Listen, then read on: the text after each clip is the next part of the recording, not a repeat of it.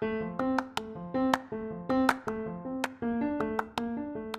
selamat pagi, Siang, sore, malam, kembali lagi di Rawit Rumpis uh, pada. dalam edisi Eko teman-teman hari ini.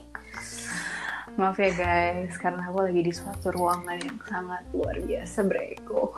Suara studio lebih tepatnya ya teman-teman. Aduh.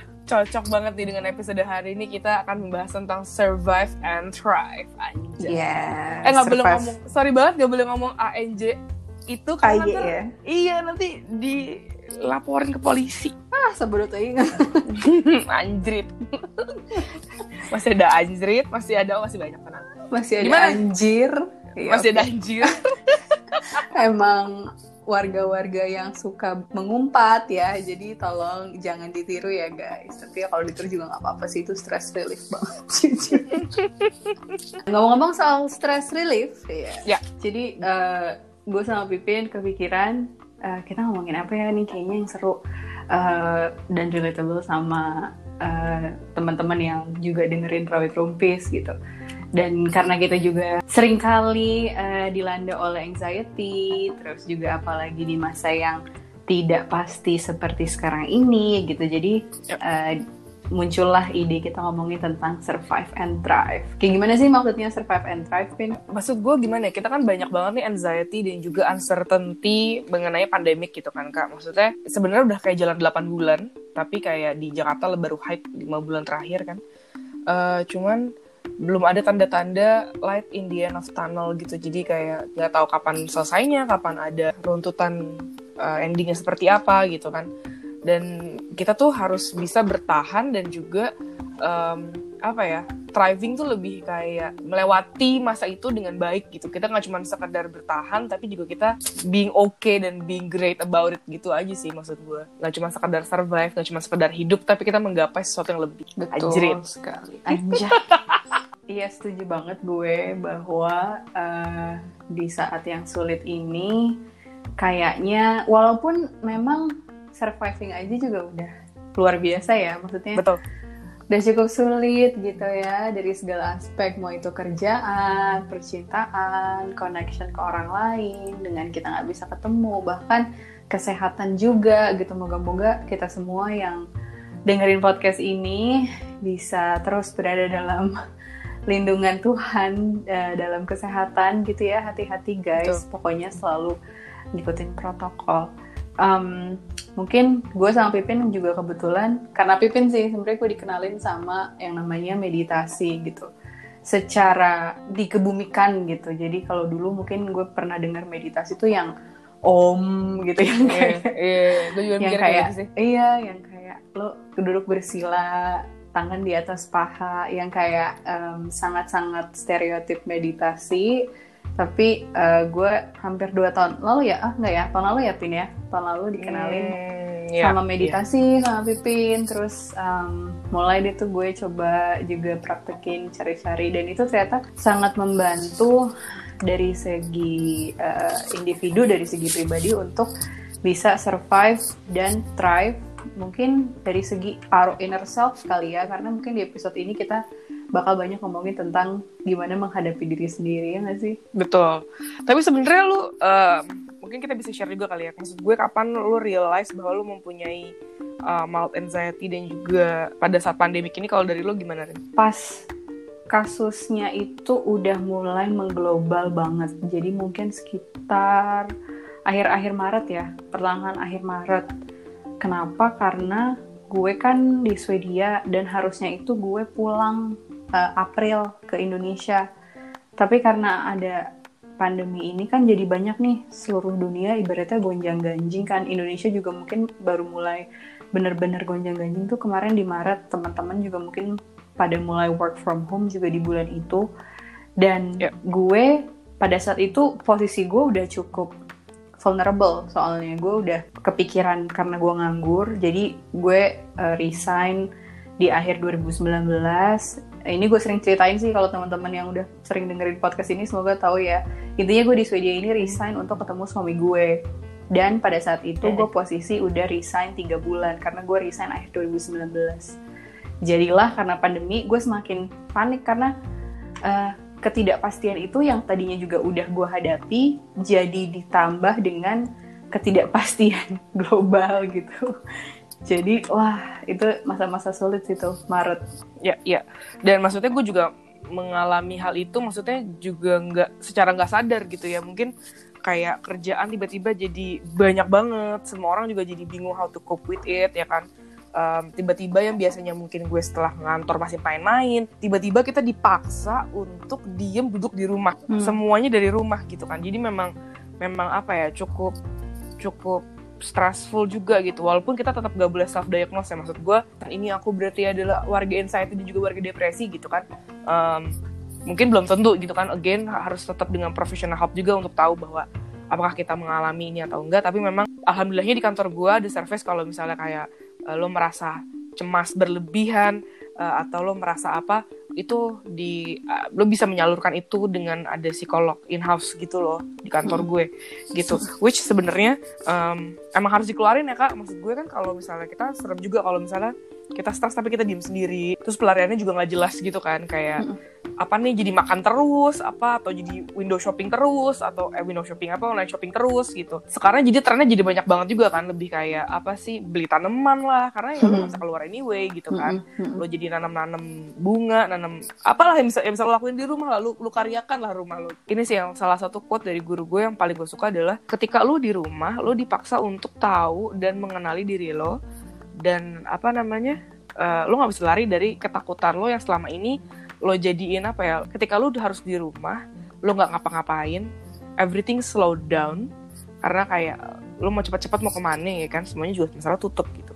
Akhirnya lo mau nggak mau harus ngobrol sama diri lo sendiri dan realize sorry ternyata ini berantakan banget gitu. Aku boleh mari kondoin badan aku sendiri nggak sih gitu? Iya bener kak. Aku setuju sih um, apa mungkin teman-teman di sini uh, kita ngomongnya agak-agak ngawang ya hari ini ngawang dalam artian kita ngomongin hal-hal yang kita jarang ngomongin khususnya tentang diri kita sendiri gitu kan karena yang kayak tadi yep. Vivin bilang gue juga paling baru beberapa tahun terakhir ini yang bener-bener ngerasa untuk ngajak ngomong diri sendiri untuk apa nggak cuma ngajak ngomong tapi merasakan rasa dalam seutuhnya gitu maksudnya kenapa sih gue cemas, kenapa sih gue takut, kenapa sih gue panik. Jadi gue mencoba mencari roots alasannya nggak dari luar lagi, tapi juga lebih ke dari dalam gitu. Kayak kenapa ya Rin, kok lo panik banget? Emang ada apa sih? What's the worst that can happen? Terus apa yang pernah terjadi yang membuat lo merasa tertrigger untuk panik atau gimana dan lain sebagainya. Khususnya pas pandemi ini ya emang karena kita jadi lebih banyak waktu untuk diri sendiri, walaupun kerjaan juga tambah banyak ya kak. Cuma mungkin jadi ada waktu untuk reflect kali ya, apa sih ya. sebenarnya yeah. yang menjadi ketakutan lo, kecemasan lo, karena pandemi ini kan nge-push kita di di titik ekstrim lah ibaratnya gitu. Setuju banget kak. Aku bawanya kalau ngomongin ini tuh jadi kayak pengen kalem gitu. Iya karena gimana ya hidup hidup tuh kita udah terlalu sering ngerungsing kan. Maksudnya selama ini kita juga uh, ya itu sih lebih kayak kita misalnya ada konflik sama orang sama orang rumah gitu kan ya kita bisa pergi dengan kita ke kantor gitu kan. Betul. ketika kita dipaksa duduk di rumah ya mau nggak mau ketemu sama orang-orang itu lagi ya kan. Mm -hmm. ya lu mau nggak mau jadi realize kayak ada mau nggak mau nih mesti gue kelar ini kan ya balik lagi pandemi kita nggak tahu mau sampai kapan ya kan? Terus masa lu mau diem diem mana? Orang rumah kan nggak mungkin juga. Betul. Jadi mau nggak mau lo beresin itu atau lo sadar bahwa kayak aku tuh ternyata gak bisa kalau hidup tanpa teman-teman aku. Mungkin lo harus mikir lagi kayak kenapa kenapa um, apa namanya lo sangat dependen dengan orang lain gitu. Maksudnya apa sih masalah masalah apa sih yang terjadi gitu. Dan dan menurut gue meditasi tuh adalah salah satu um, apa ya salah satu cara buat taunya kenapa sih gitu. dan again uh, mungkin kalau misalnya dulu gue juga mikirnya gak tau kan kalau di kartun sama di film-film kan bedanya cuma kayak diem terus kayak om ada bunyi-bunyi gitu ya gitu ya. terus kayak ternyata tidak seperti itu guys gitu jadi memang um, lo bener-bener duduk dalam hening lo tuh menyadari apa pun yang lo rasain, apa pun yang lo pikirin, ya lo minimal lo sadarin aja itu tuh cuman sekedar pikiran lo gitu loh. Jadi lebih ke membantu menenangkan dan meluruskan uh, benang kusut kali ya, walaupun nggak gampang juga sih gitu, nggak. Iya. Bukan sekali meditasi terus langsung masalah hidup lo kelar gitu, enggak sih, cuma uh, menurut gue kayak tadi yang mungkin di awal uh, gue setuju sama lo lo kan bilang juga jangan self diagnose mungkin ini mental health uh, issues itu kan ada yang secara klinis memang butuh bantuan um, dari segi medis gitu ya. Dan memang banyak sebenarnya yang di Indonesia mungkin belum semainstream itu tapi sebenarnya banyak. Mental mental health issues yang harusnya lo butuh um, bantuan medis desa gitu. Cuma mungkin selain itu kalau kita ngerasa ada kecemasan-kecemasan yang kok gue kepikiran terus kok gue kerja tuh deg-degan terus bawaannya kok gue um, rasanya tuh down rasanya tuh kayak gue loser banget sih kayak gue cemas nggak tahu apa yang dicemasin. Bener kayaknya ada satu dari diri lo yang mesti lo tanyakan lagi dan itu cuma lo juga sih yang tahu jawabannya. Jadi betul betul, uh, uh, betul. dan meditasi buat gue pribadi sangat membantu karena sebagai orang yang nggak sabaran gue sangat nggak sabaran Pipin tahu seberapa nggak sabarannya gue. Um, Begitupun dengan aku. Mm -mm, dan meditasi itu membantu untuk kayak, oke, okay, gue pause dulu hidup gue. Kalau gue meditasi barang 10 menit juga dunia nggak akan stop gitu ya. Hidup hmm, gue akan baik-baik aja. Gue atur nafas gue. Gue um, mencoba meluruskan apa sih yang ada di pikiran gue dan praktis itu yang lama-lama membantu gue untuk paling enggak bisa lebih menahan rasa tidak sabar. Gue nggak bilang sekarang gue jadi orang yang paling sabar sedunia, tapi gue mulai menahan. Oke, okay, kalau gue udah mulai nggak sabar, itu gue langsung kayak gue berasa gitu. Jadi gue lebih bisa merasakan itu sih pin dari diri gue. Jadi sesuatu yeah. yang tadinya gue sangat impulsif gitu ya, gue bisa bilang karena gue meditasi, gue jadi ngerasa eh gue mulai cemas nih. Kenapa kenapa? Tadi dulu gitu. Eh gue mulai nggak sabaran nih. Coba coba coba. Kenapa? Gitu. Jadi kalau dari gue sih gitu sih. Um, ngerasain udah gak, banget. udah nggak reaktif lagi gitu ya. Nggak nggak apa-apa langsung gitu. Mm-hmm, ya kan? setuju. Benar benar kita banget. ada jeda jadi ada jeda buat mikir dulu mm-hmm. maksudnya in a, in a split second kita masih mikir kayak eh oke okay, gue nggak seharusnya langsung bereaktif bereaksi dengan apa pun yang orang lain katakan atau apa pun yang orang lain lakukan terhadap gue. Mm-hmm. um, jadi ada sedikit jeda dan nafasnya gitu ya. Betul betul dan, banget. misalnya kayak kalau misalnya kalian dengerinnya tiba-tiba kayak ya kan ada sholat dan segala macam. Itu juga termasuk bagian dari meditasi. Jadi sebenarnya duduk heningnya itu kayak gak ada urusan sama agama guys. Lu kalau misalnya ke gereja ya kan lu duduk hening lu nggak bisa ke gereja sekarang kan? Lu mau sholat di masjid itu juga nggak bisa sholat di masjid. Lu lu berdoa di rumah lu sholat di rumah lu meditasi di rumah sebenarnya sama aja gitu. Karena uh, lu bener-bener duduk hening lo mau ngobrol sama Tuhan, lo ngobrol sama diri lo sendiri, lo tanya sama diri lo sendiri, ya kamu tuh kenapa? Gitu. Pernah nggak yes. lu pada kayak kepikiran? Ini jujur gue kayak agak sedikit mindfuck karena kayak pernah nggak sih lo kepikiran ngajak ngobrol badan lo gitu kayak, eh iya juga ya gitu. Gue hidup sama yeah. badan gue se, apa se udah 26 tahun lebih gue hidup sama dia, terus kayak dia udah terlalu banyak banget gara-gara keteledoran gue dia jatuh luka dan segala macam maksud gue pernah nggak sih you guys kayak aduh benci banget ngomong you guys uh, you guys tuh apa namanya uh, apa ngajak ngobrol gitu kayak eh badan sorry ya tadi nggak sengaja kebentur sakit ya gitu kayak nanti pelan-pelan sembuh ya. Walaupun kita tahu biologically ketika lo luka badan lo akan mengeluarkan eh, apa ada plasma yang akan akan nge-regenerate di kulit lo gitu. Ada prosesnya cuman nggak tahu sih rasanya kayak enak aja gitu nggak sih Rin? Nggak tahu ya Uh, iya. lu lu pernah gue lu juga mele- pernah melewati uh, pelajaran ini juga gitu kan ngajak ngobrol badan gitu kan. Pijat-pijat badan mana sih yang sakit gitu kayak apa sih gitu uh, yang sakit gitu kan. Hmm. ya sebenarnya kalau edisi gampangnya adalah kalau kata uh, temen gue ya kalau badan lo dipijat sakit berarti badan lo udah penyakit gitu. Kalau doi adalah tim pro uh, mbah-mbah pijat jadi menurut dia gua banget. asli dia nggak akan pergi ke ke dokter jadi dia kan dia akan manggil mbah urut. Kalau badannya dia ada yang sakit titik-titik tertentu berarti dia lagi ada penyakit gitu. Dan menurut gue ya make sense gitu. Ya bisa jadi hmm. gitu kan. Ya mungkin hmm. itu sih yang kayak menurut gue kayak iya ya gue kok nggak pernah bilang makasih sama badan gue gitu. Mungkin ini nyambung sama episode yang love your body juga gitu. Maksud gue lo, uh, lo pernah nggak bilang makasih dan uh, minta maaf sama badan lo juga? Karena kan gimana baik lagi ke episode 20 kita lo untuk menerima badan lo aja tuh susah banget gitu kan. Maksudnya kayak ya lo pasti lah ada ngeliat aduh lengan gue berlemak double chin gue triple chin gue gitu kan. Iya tapi kan hmm. lu juga yang masukin makanan itu ke mulut lu. Iya betul.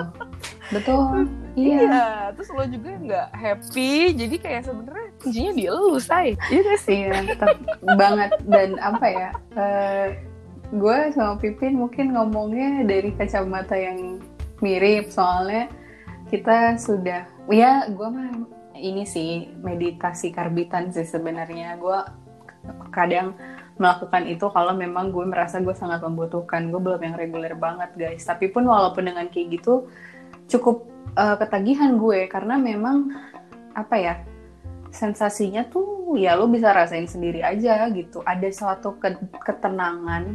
Dan mungkin emang dirasain pada saat kayak abis sholat gitu. Mirip-mirip sih kayak tenang kalem gitu kan. Uh, pada saat lo memang ngatur nafas di meditasi. Dan itu menurut gue sangat membantu untuk orang-orang yang overthinking, orang-orang yang hidupnya tuh kayak pengen kontrol semua hal, orang-orang yang kayak mohon maaf lo nggak ada remnya banget hidup gitu, mohon maaf emang lo Tuhan gitu. Kayak yang mungkin lo nggak ngerasain lo kayak gitu, tapi sebenarnya dalam tanda kutip lo itu menyulitkan hidup lo sendiri. Karena itu dari pengalaman gue kayak gitu. Jadi kalau misalnya ditarik lagi ke pengalaman sekarang gitu ya um, dengan work from home dengan social distancing gitu orang-orang yang overthinking dan over controlling termasuk gue ini pasti akan kayak anjir anjir anjir anjir anjir gitu loh karena iya. kayak gue nggak bisa gue nggak bisa ngontrol gue nggak ada lagi kepastian dan lain sebagainya. Tapi mungkin nggak usah lo kontrol juga sih gitu. Kayak apa ya? Lo mencoba yang terbaik sambil lo juga um, tenangi tenangkan diri lo.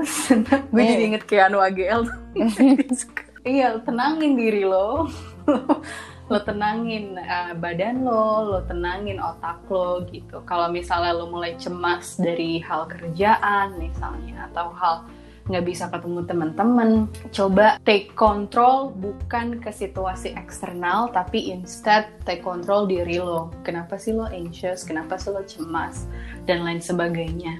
Gitu sih dan untuk nyambung hal itu adalah gue juga pernah uh, baca artikel gitu kayak apa namanya kayak kreatif kreatif uh, short blog gitu dia ngomong gini ketika lu lagi overthinking lu mikirin semua hal yang bisa lu pikirin lu tanya balik lagi ke diri lu kata siapa? Kayak gitu. Misalnya kayak gini contohnya adalah aduh kerjaan gue uh, jelek banget semua orang benci banget sama gue kayaknya dia marah deh sama gue kayaknya dia benci deh sama gue.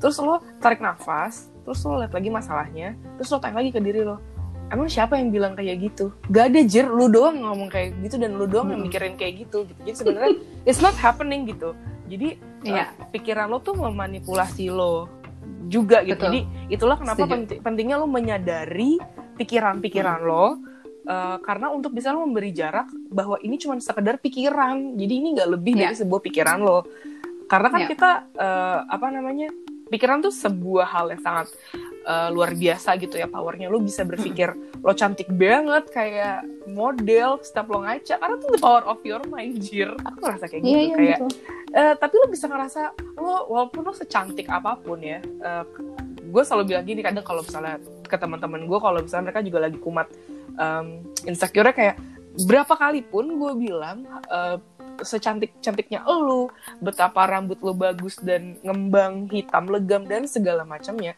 Kalau dari dianya sendiri nggak percaya itu nggak bakalan nggak bakalan apa ya nggak bakalan masuk. Karena yang dicari validasi orang aja terus gitu. Sama uh -huh. kayak sama Aku. kayak kalau lo iya nggak apa-apa aku juga gitu kan. Maksudnya, maksudnya kadang kayak lo nanya sama pasangan lo kamu sayang gak sih sama aku? Bla bla bla bla bla bla. Iya coba dibalik lo sayang gak sama diri lo kalau lo sayang sama diri lo lo mau gak sama laki-laki atau perempuan kayak gitu? Gitu kan. You you value yourself.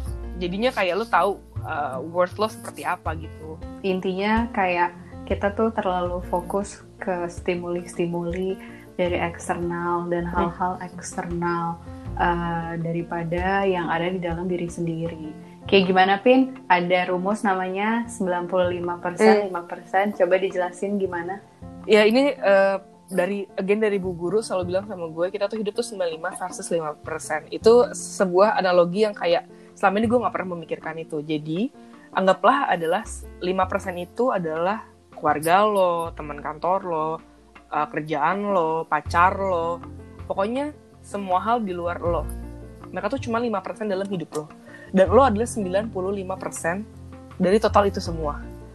Yang mana adalah seharusnya lo in charge dalam 5% itu dong. Ya, karena kan lo uh, mayoritas gitu kan. Tapi instead of kita fokus ke 95% si mayoritas kita malah fokus di 5% yang sebenarnya minoritas alias hal-hal yang nggak bisa kita kontrol. Yang kayak misalnya contohnya em, apa ya contohnya ya Em, Omongan orang. Betul. omongan orang, reaksi orang, asumsi orang lain terhadap lo Hmm. itu nggak bisa lo kontrol. Misalnya nih, lo memang kalau gue, gue kan suka banget pakai makeup aneh-aneh, eyeshadow biru, ungu, unicorn gitu ya. Ini sebelum gue melihat tren-tren uh, influencer gitu kan, bukan berarti gue edgy, tapi karena gue gue suka warna-warna neon aja gitu, emang dangdut aja Mm-mm. orangnya gitu. Dan um, apa namanya? Kalau gue mi- misalnya gue ngeliat komen-komen negatif orang atau kayak, ih lo pede banget sih pin kayak gitu gitu. Maksud gue kita nggak bisa kontrol dia untuk selalu bilang gila Pin lo cantik banget, lo sempurna banget gitu kan. Dan lo juga nggak pernah, lo nggak bisa mengharapkan mereka bilang jelek terus tentang lo. Dan opini mereka ya urusan mereka. Yang penting lo happy, lo seneng, lo nggak nyolong make upnya, lo nggak melakukan merugikan orang lain ketika lo melakukan itu. Menurut gue sih lo nggak usah mikirin hal lain, hal-hal hal Iya. itu karena itu nggak bisa lo kontrol juga. Bener banget kak, aku juga pas aku tahu itu kayak, wah bener juga dan mungkin kalau teman-teman yang belum tahu, kalau gue dulu tuh pas tahu ini tuh gue selalu mencari justifikasi. Enggak kok, gue tuh nggak terlalu mikirin orang, tapi maksud gue itu kan juga kalau misalnya reputasi gue di di orang lain kan berguna juga buat gue sendiri. Padahal enggak guys, enggak. Ya pikiran orang pikiran orang aja gitu. Mau orang itu ngenilai lo 100, mau orang itu ngenilai lo 50, eh, ya nggak peduli apa pun nilai dari mereka, lo adalah lo, lo dan seharusnya bisa memberikan approval dan memberikan nilai sama diri lo sendiri. Karena kalau misalnya lo terus-terusan bergantung dengan penilaian orang lain, nggak akan ada habisnya. Lo akan selalu merasa lo kurang. Ah, aku menampar Iya. diriku sendiri. Karena lo berusaha banget feeling the label kan. Eh, ketika lo sudah Parah, men. Iya, lo punya cuy. punya label ini, terus tiba-tiba lo Iya. pengen fulfilling terus, terus, terus. Padahal Iya. sebenarnya, ya nggak ada juga gitu. Bener. Kadang tuh kita ngasih pressure diri kita sendiri, Kak. Ya, Kak? Duh. Iya, biar seru aja hidup. Kayak, ya, hari ini aku belum belum ini hidup aku gitu. Jadi kayak, kayak itu sih. Dan di awal-awal pandemi kemarin tuh banyak banget juga eh, apa namanya para practitioner yang akhirnya buka meditasi bersama gitu di Instagram. Jadi kayak eh, Mas Aji, San, Santoso Putro, ada kayak juga uh, PC juga, PC Yoga. Kalau kalian bisa kalian bisa follow, ada ada podcastnya juga mereka. Ada Mas Reza juga. Kalau misalnya kalian mau coba-coba lihat uh, atau denger kayak apa sih meditasi gitu. Karena balik lagi meditasi itu nggak ada urusannya sama agama ya guys. Ini bener-bener apa ya peace of mind dan dengan lo melakukan meditasi bukan berarti lo suci.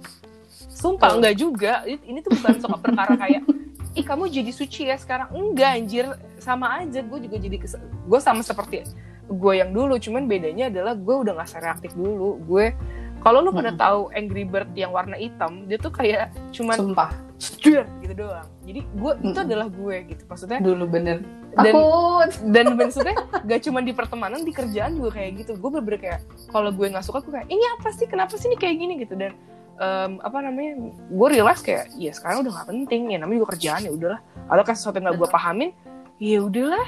Mau di gimana lagi Iya. coba. Lebih kayak banyak ya udahlahnya gitu sih. Kalau memang kalian penasaran coba aja nggak ada salahnya kalau cocok terusin aja kalau enggak ya udah tinggalin Dan emang uh, setelah COVID ini kayaknya jadi semakin banyak orang-orang yang tertarik ya nggak sih Pin? Benar. Atau bahkan sekedar nge-repost. Gue ngeliat teman-teman gue juga banyak yang mulai kayaknya care soal meditasi atau soal anxiety. Karena mungkin memang secara menyeluruh kita merasakan anxiety dengan adanya ketidakpastian secara global. Maksudnya ini memang Benar. cukup menyeramkan gitu. Maksudnya fenomena pandemi ini kan. Jadi mungkin orang-orang semakin banyak mencari alternatif lain selain apa ya kerja ya udahlah duit nggak dibawa mati tapi ini gue cemas gue mesti ke mana gitu kan sedangkan nggak semua juga bisa ke psikiater atau bisa ke psikolog jadi mencari alternatif-alternatif untuk menenangkan diri dan memang meditasi itu salah satu caranya banget sih dan mungkin satu lagi kalau menurut gue juga hmm, masalah orang tuh bener-bener spesifik tergantung orang itu walaupun ada uh, tema besar kayak tadi gue sama Pipin udah ngomongin soal anxiety, soal juga letting go, nggak Hmm. dengerin omongan orang. Secara spesifik cuman lo yang tahu gitu. Jadi bagus sih ngeliatin quotes quotes dan lain sebagainya. Kalau memang lo relate bagus, tapi kalau lo bener-bener mau ngerasain um, gimana itu bisa ngaruh ke lo, lo emang harus coba karena masalah lo spesifik itu lo yang tahu sih dan dan part apa yang bener-bener nge-trigger lo banget dan gimana untuk um, apa namanya bisa menghadapi kecemasan itu akan beda tuh dari masing-masing orang. Jadi recommended guys. bener bener banget. Dan maksudnya gue sih jadi semakin apalagi ketika pandemik dan jadi lebih banyak meditasi karena memang banyak uh, free online class ya di di Instagram gue makin gak siap gitu loh balik ke ke normal yang dulu lagi. Karena maksud gue betapa cepat pace yang harus gue jalanin setiap harinya. Meanwhile ketika di sini gue tuh diajarin kayak tenang aja mau ke mana coba duduk di sini pelan pelan jadi apa ya eh, ada buku juga Rin eh, tentang apa sih slow the only things that you notice when you are slowing down. Hmm. Jadi memang ketika lo biasanya lo sering lari ya kan lo kalau dulu kan kita semuanya oh gitu kan kerja tuk tuk tuk, tuk, apa segala macam dikerjain. Terus ketika lo disuruh duduk lo bingung karena lo biasanya sibuk kan gitu kan. Betul. Sekarang Betul. Iya kan? Jadi ketika nggak ngapa-ngapain stres. Padahal Betul. Lo kan dulu juga waktu kecil ngapa-ngapain lo nggak stres. Aslinya, asli loh. Dan gue sharing nih ya guys dari pengalaman seorang pengangguran. Gue cukup orang yang menurut gue ach- overachiever ya. Gue mempunyai permasalahan eh, membutuhkan approval. Jadi gue sangat nge-push diri gue di push-push dari SMA, kuliah dan lain sebagainya. Um, gue enjoy sih nge-push diri gue. Tapi kemudian uh, ada drawbacks-nya. Kayak sekarang pas gue udah mulai nganggur tuh gue kayak ini kok gue nganggur ya? Ini kenapa ya? Ini gimana ya? Gitu. Kayak gue panik sendiri gue hairy tau gak lo? Heboh sendiri. Gue kayak kebakaran jenggot. Walaupun sebenarnya dari segi kesehatan alhamdulillah. Dari Ya. segi security juga gue alhamdulillah ada atap di atas kepala gue. Dari segi ekonomi alhamdulillah masih bisa makan gitu kan. Terus juga nggak ada masalah sebenarnya hidup gue gitu. Jadi gue bingung kayak kenapa ya gue panik gitu? Jadi gue hairy dan akhirnya eh, ya gue mencoba lebih lebih sering meditasi lebih sering meditasi. Dan akhir-akhir ini kalau gue sendiri gue lagi eh, sering banget ngingetin untuk surrender. Karena itu kayaknya salah satu masalah terbesar gue bahwa gue anaknya sangat controlling gitu. Controlling diri sendiri untuk apa? Untuk minta approval. Nah yang setuju sama gue tolong di RT Balik lagi tetap mencari validasi nggak apa-apa. anjing bener juga tuh kan guys akut guys. Akut. Masalah gue akut banget jadi gitu. Iya bener banget. Iya kan? mau nangis. Kayak iya. Intinya gitu deh. Terus ya Hmm. udah meditasi dan aku merasa lebih lebih tenang gitu. Jadi aku kayak ngerasa lebih gue bener-bener imajinasi gue adalah gue surrender. Gue ibarat kayak naik ban di atas di atas kolam aja gitu kayak kolam ombak ya udah mau dibawa ke mana aku santai aja ikut gitu. Yang penting aku nggak tenggelam kayak gitu. Karena daripada aku hairy tuh aku malah bisa tenggelam. Karena kan Panik namanya ya, ombak Say? ada bener gitu. Jadi aku bener-bener mengimajinasikan pada saat mencoba untuk surrender di otak itu tuh kayak oke Rin lo di atas ban. Nggak apa-apa. Go to the flow aja gitu go with the flow Hmm, surrender with the flow kalau kata kalau kata Pishi. Betul betul betul betul. Menarik sih guys. Maksudnya kita bisa sharing juga di DM kita uh, di Instagram kita juga kalau kalian mau sharing tentang anxiety apa sih yang telah kalian rasakan atau mungkin mungkin kalau misalnya kita bisa bantu menemukan quotes quotes dari para guru dan practitioner untuk ease the pain atau ini mungkin kita bisa sharing-sharing juga karena lagi kita berdua juga masih forever learning ya kak. Ya kayak gini-gini nggak bisa cuma sekali dua kali juga belajar. Jadi kita tetap semuanya harus selalu belajar. Dan sebelum kita mengakhiri sesi kita yang makin lama makin sendu ini aku cuma mau ngingetin kalau misalnya kayak ya overthinking itu salah satu akar penyebabnya adalah seseorang yang terlalu percaya akan pikirannya sendiri. Menganggap dirinya adalah pikirannya jadi supaya kita enggak terlalu gaduh gitu ya. Udah kita ngamatin aja pikiran kita. Kita duduk, kita kita lihat nih kenapa sih kita heboh banget. Lihatnya ke dalam, guys. Gimana caranya? Duduk aja deh. Iya kan? Tarik nafas, Tarik nafas, buang nafas. buang dari hidung lewat hidung. Lo tenang. Nanti lo lo kayak iya ya lo lo akan merealize hal-hal kecil yang mungkin lo nggak pernah ngeh sebelumnya. Kayak oh ternyata suara AC gue kayak gini atau kayak oh selama ini kamar gue tuh seterang ini gitu loh. Tenang aja um, we are in this together. Maksudnya jangan pernah ngerasa sendiri sih uh, reach out ke teman-teman lo juga. Kalau lo memang merasa membutuhkan uh, afeksi sosial bukan berarti lo nggak boleh temenan ya kak. Kalau memang lo perlu afeksi dan reach out jangan sampai enggak juga ntar stres. Jangan berlebihan kak. Hidup pokoknya jangan kayak aku mau sendiri banget. Ya enggak juga. Kita kan makhluk sosial. Gitu ya bun. Ya, sedang-sedang aja sedang-sedang aja. Nyanyi lagi nanti kan? Gitu. jadi apa ya um, stay sane lah guys. Beneran ini mas. Stay sane stay safe. Mm -mm. semoga kalian menemukan di pandemik ini menemukan apa ya ritme hidup yang lebih nyaman. Iya bener kayak ya kalau tidak nyaman dengan pekerjaan tinggalkanlah. Iya. Iya. Benar boleh kita bahas mungkin nanti untuk hamba-hamba yang khusus ya.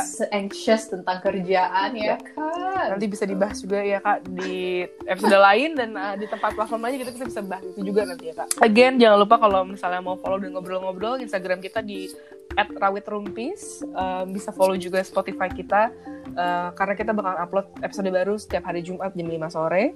Dan Betul. jangan lupa di share ke teman-temannya mana tahu yang membutuhkan ya kak. Thank you Bye bye. Have a nice week. Bye bye.